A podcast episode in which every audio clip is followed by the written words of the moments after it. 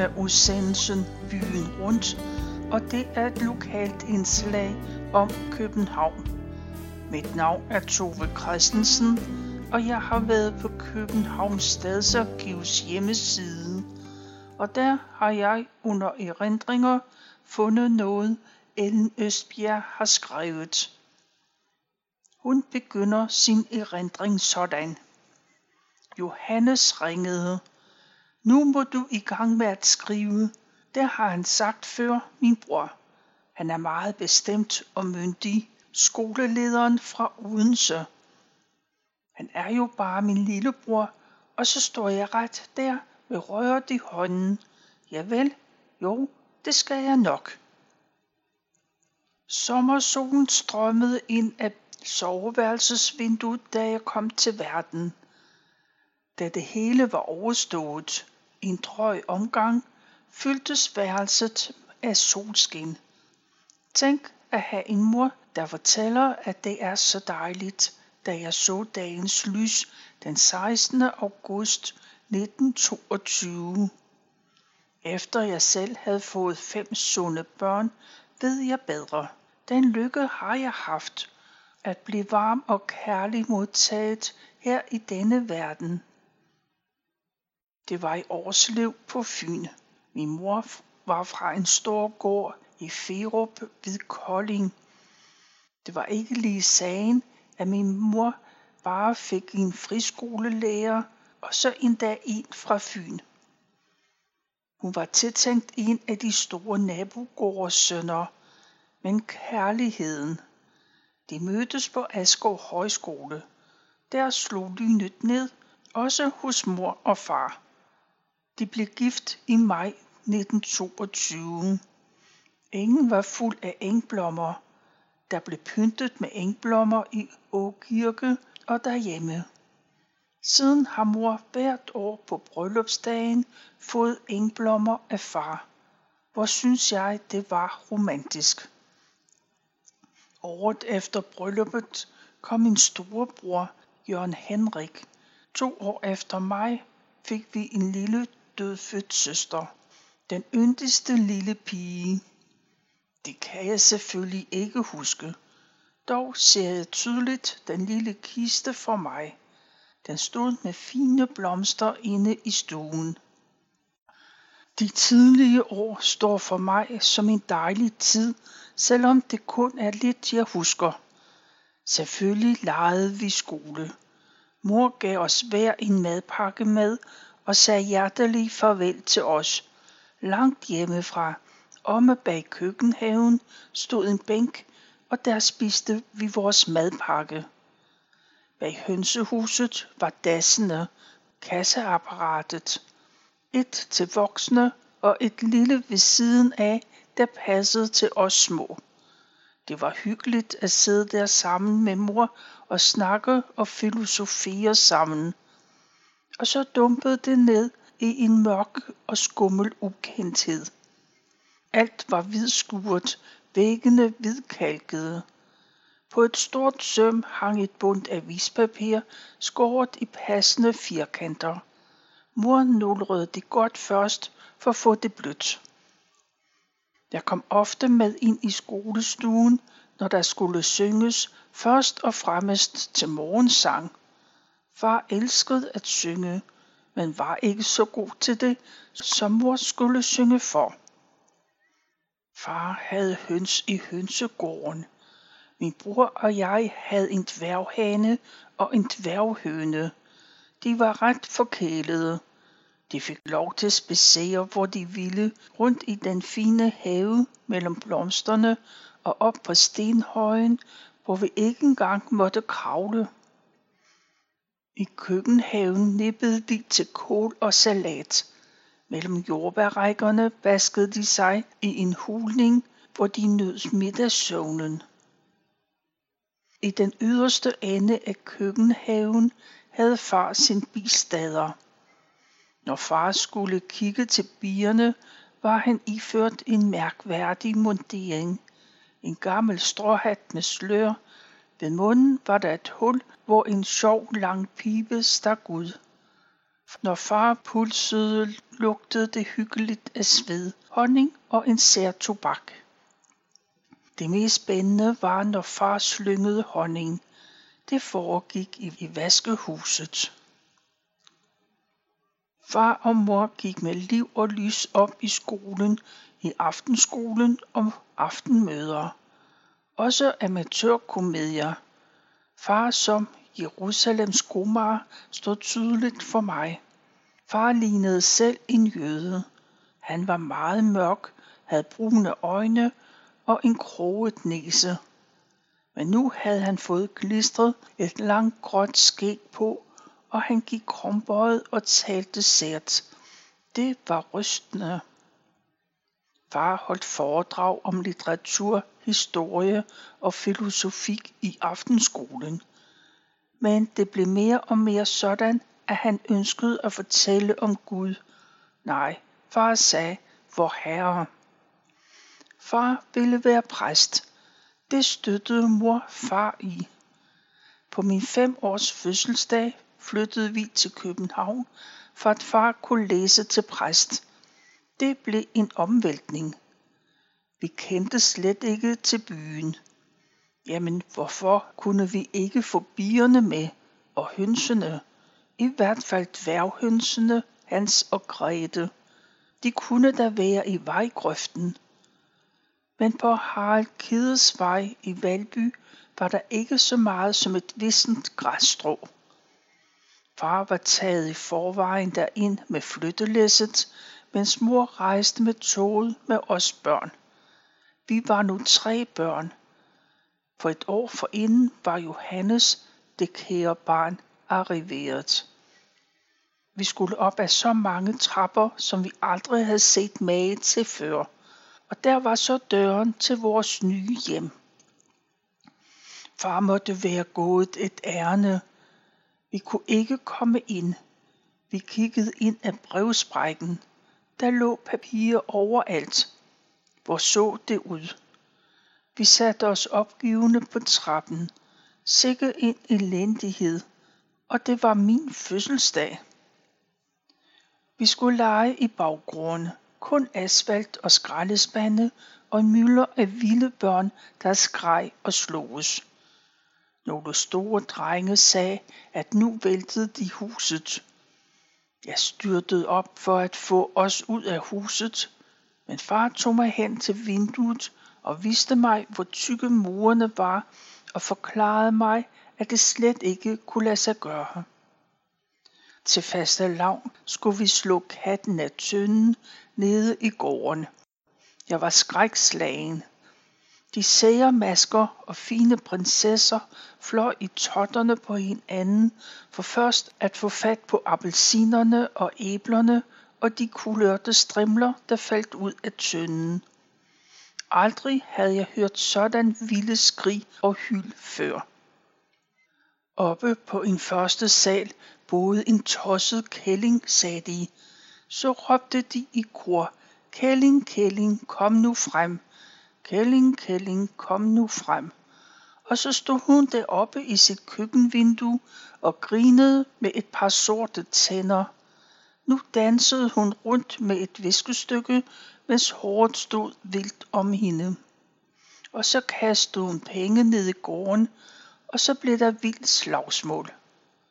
En aften, det var mørkt, far kaldte på os, slukkede lyset, og vi stirrede ned på gaden. Der er en tyv, sagde far. Politibetjentene løb ud og ind af gadedørene overfor. Jeg rystede af skræk. Alligevel er jeg red som nysgerrig. I skæret af gaslygterne så vi to betjente hale afsted med tyven imellem sig. Vi gøs. De puttede ham ind i salatfadet. Hvorfor politibilen kaldtes det, vidste jeg ikke.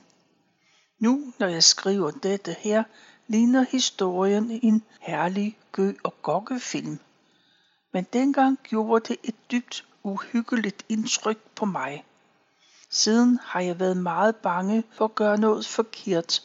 Bange for politiet. Tænk, hvis de så, jeg gjorde noget forkert. Det blev næsten sygeligt for mig. Jeg var angst for støde til nogen på gaden, eller sågar træde på stregerne på fliserne. Eller var det fordi, vi helt uden slinger skulle gøre, hvad der blev sagt?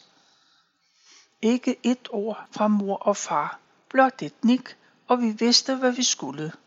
Ingen mukken eller spørgen end sige plage os til en is. Det var utænkeligt.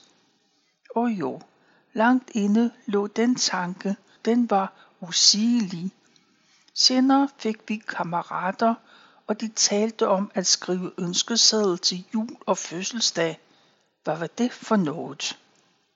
Da Peter, ham jeg lever og dør med, børnene svar, min kære mand, da han i vor pure ungdom besøgte os i præstegården og oplevede den lydighed og respekt, vi havde for vores forældre, blev han ganske paf. Tænk, vi sprang afsted, så snart vi blev bedt om at gøre et eller andet. Hjemme hos ham kunne man diskutere om tingene, veje for eller imod, om man nu synes, at der var noget rimelighed i at gøre netop det, ens forældre fandt passende. Som helt lille vidste jeg, hvad jeg ville og gjorde alt for at sætte min vilje igennem. Mor havde hørt en sige, jeg gad nok se forældrene til det barn. Det måtte der gøres noget ved. Mine forældre fik i hvert fald sat en stoffer for min vilje. Vi skulle lyde. Jeg blev en artig pige. Jeg havde artige piger. Det var en jammerlig tid for mine forældre derude i Valby. Meningen var, at mor skulle have pensionat og dermed skaffe os føde og klæder. Vi havde kun én spisegæst, vist nok en bekendt, der ligesom skulle hjælpe os i gang. Men det betød, at mor måtte lave ekstra dyrmad. Det kunne slet ikke gå. Der var en underlig lov dengang. Man måtte ikke straks flytte helt ind til byen. Først skulle man bo længere ude. Men derude var der ingen studerende, og det var dem, min mor havde satset på. Min mor og far havde også regnet med at få noget af en arv. Det var derfor, de turde tage springet. Mor havde to søstre. De havde hver fået en stor gård. Mor fik ingenting. De sagde, hvad skulle de også til København efter? Forlade en fast stilling og med små børn. Det var vildt. Et andet håb bræst. Far søgte om at blive fri for at tage studentereksamen. Han havde studeret langt mere end en sølle grøn student.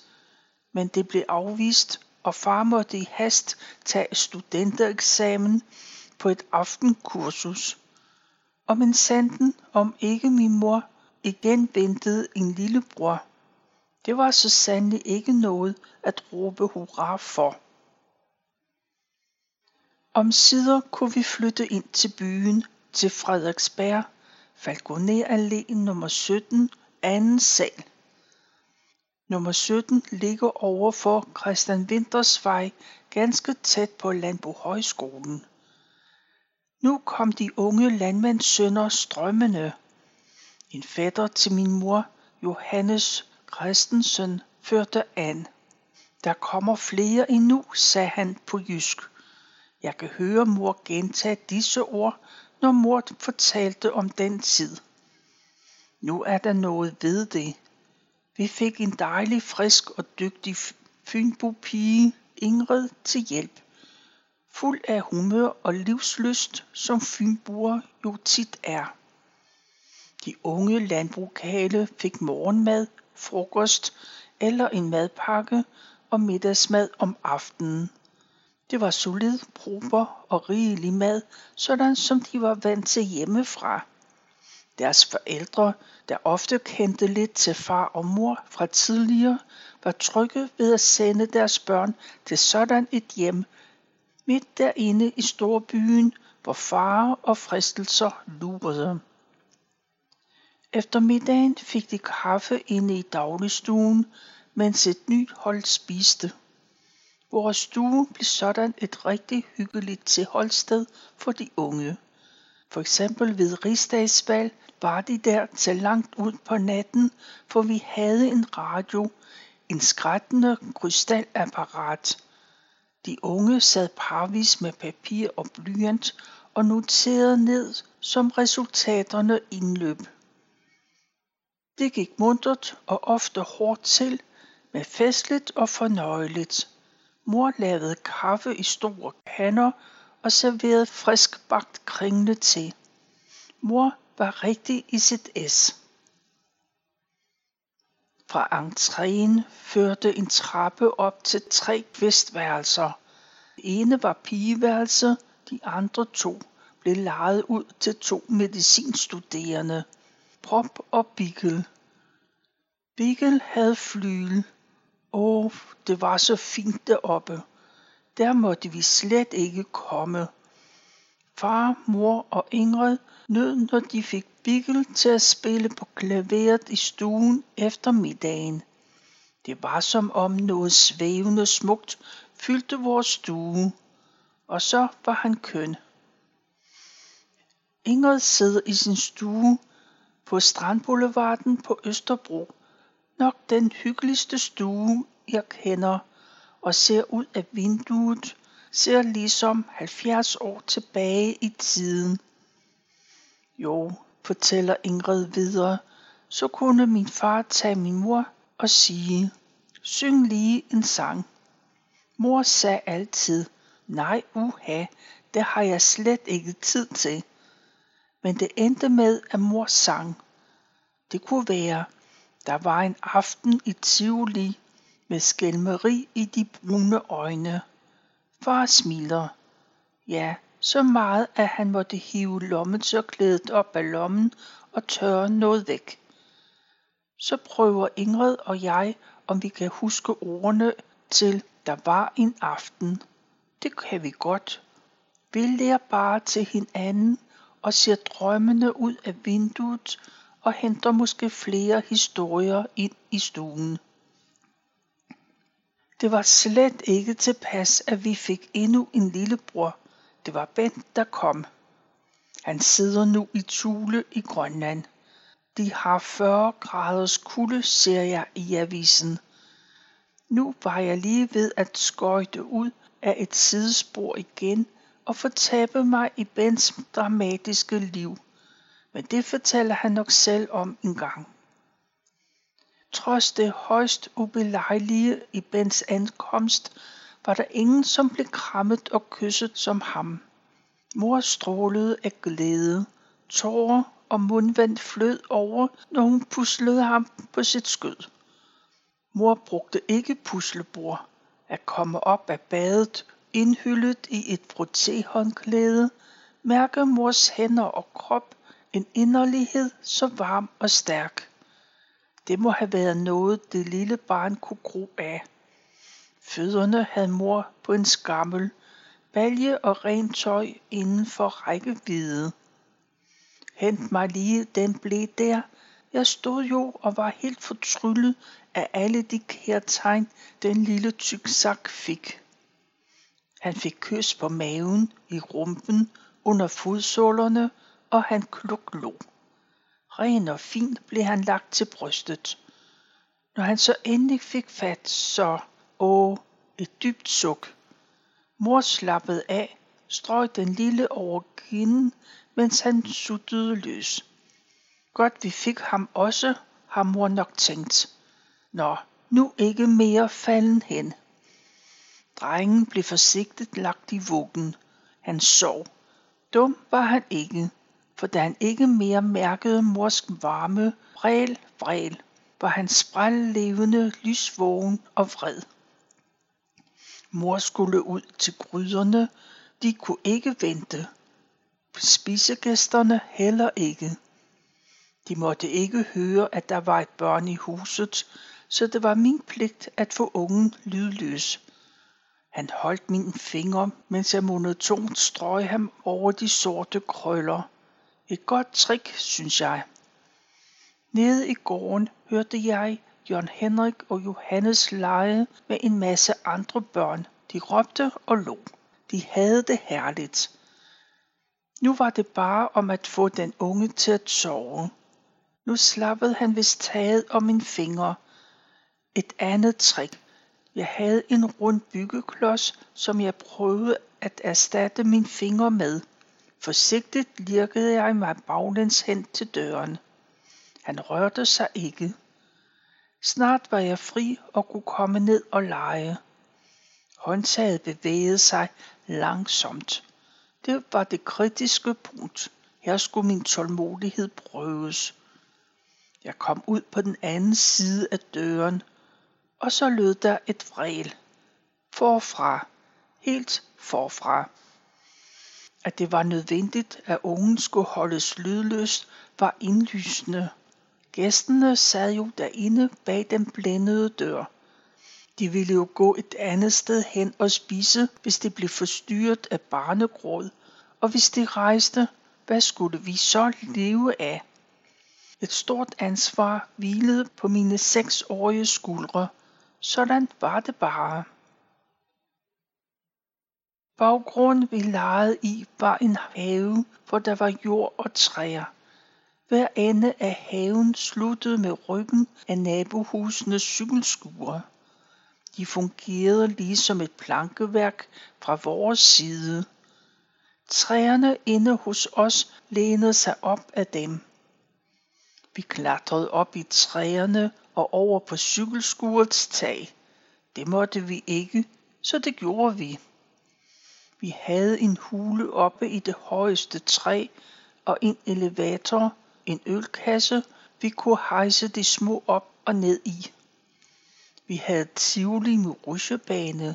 Jørgen Henrik gravede huller og lavede bunker, som vi kunne køre op og ned over i gamle barnevogne, løbehjul, kassevogne og cykler. Det vil sige voksne cykler. Vi sad helt nede på den nederste stang, skubbede os afsted med fødderne. Hænderne havde vi på styret helt deroppe over hovedet. Vi slap med fødderne ned ad bakkerne. Vel væltede vi. Det hørte med. Slyngtorve var der også i Tivoli. Det bedste var udspring fra et faldefærdigt lysthus. Det var Jørgen Henrik, der bestemte. På den ene langside af haven var der cykelskuer og skraldespanden. O redsel med rotter. Og så et lille hus. Her boede en møbelpolstre. Vi kunne kigge ind til ham, så lavt sad vinduerne. Af og til lukkede han vinduet op og snakkede med os, mens stømmene strittede ud mellem læberne. I smug øvede jeg mig i at gøre ham det kunststykke efter. Han var vist nok meget flink, for han gav os bolcher, meget stærke bolcher. Nu bliver du en bolsjevik, sagde han dysterst. Det måtte være noget slemt, så jeg fik det ellers spyttet ud i en fart. Lidt skummelt var det. Helt tryg var jeg ikke, men jeg havde også smadret hans vindue en dag, da jeg væltede med cyklen ind i det. Vi havde ikke børnecykler. Jeg ved ikke, om de fandtes dengang. Vi knoklede rundt udrangerede voksne. En skønne dag kunne vi bare det der. Endelig en dag kom jeg ud på gaden at cykle.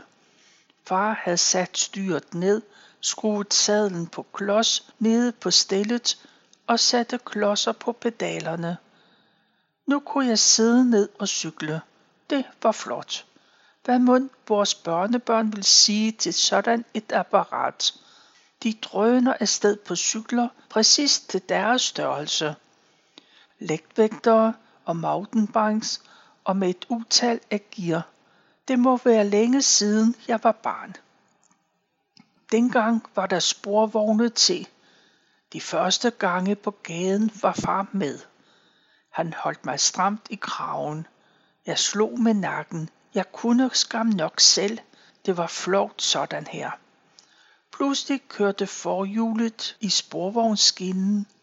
Med et krafttag trak far mig og cyklen op uden vi væltede. Far var stærk. Far og mor havde egentlig ikke noget at gøre med vores opdragelse. Det klarede vi selv. De havde nok andet at se til. Der kom flere og flere spisegæster. Far skulle læse, ofte om natten, når der var ro. Et par gange om ugen tog far afsted til kødbyen om morgenen klokken 5 for at købe stort ind. Der gik han som slagtermester Jørgensen. En gang tog far mig med derind. Vi så ham handle mellem bjerge af kød. Knive blev slebet røde store hænder, opsmøgede rødstribede ærmer. Nu skal du se, vi gik hen i den jødiske afdeling, hvor fjerkræ blev slagtet med kniv. En mand med stort flot fuldskæg, slangekrøller foran ørerne og sort hat, svingende et blinkende sabel. Først væltede han kræet, mens han holdte op i benene, diskuterede med de omkringstående, og så et hug. Der lå det. Næsten ligesom heksens hoved i fyrtøjet. Blodet sprøjtede. Det var drama, dette her. Andre dage var far her grønthandler Jørgensen, når han handlede på grøntorvet. Her var mere afslappet, dog der blev også råbt ret højt. Vi blev ikke færdige med haven. Den fjerde side, langsiden, støtte op til en krohave. Stakittet omkring hældede snart ind til grohaven og snart over til os. Nogle steder havde der bare lagt sig ned. Tæt buskæs gjorde det vanskeligt at se, hvad der foregik derinde, men høre det kunne vi jo rigtigt gættet. Det var sangforeningen Morgenrøden, der øgede sig. Efterhånden som øllerne blev trukket op, kom der skred i sangen, og den steg på vingerne højere og højere, jo længere de kom ud på aftenen. Tavligt, sagde mine voksne. Skrig og skrål endte det med, når kællingerne kom for at hente deres stolte, svejende livsledsager hjem. Jeg gik tur med de små. Bent i knapvognen og Johannes holdt ved.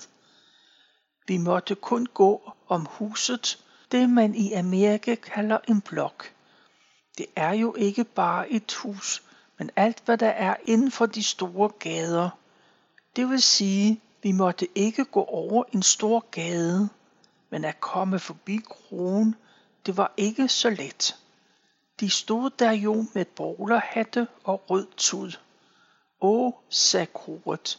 Med et bestemt kast strintede de den sidste slat ud på fortorvet. Jeg så også en tisse. Det var ægelt. Trods forbud mod at komme på kørebanen, krydsede vi over på den forkerte side forbi kronen. Ellers var det ikke så mange farer resten af vejen over en enkelt grim gal grævlingehund. Det var så langt jeg nåede af Ellen Østbjergs erindringer. Du kan læse hele hendes erindring på kbharkiv.dk. Tilbage er der kun at sige tak for nu, og tak fordi du lyttede med.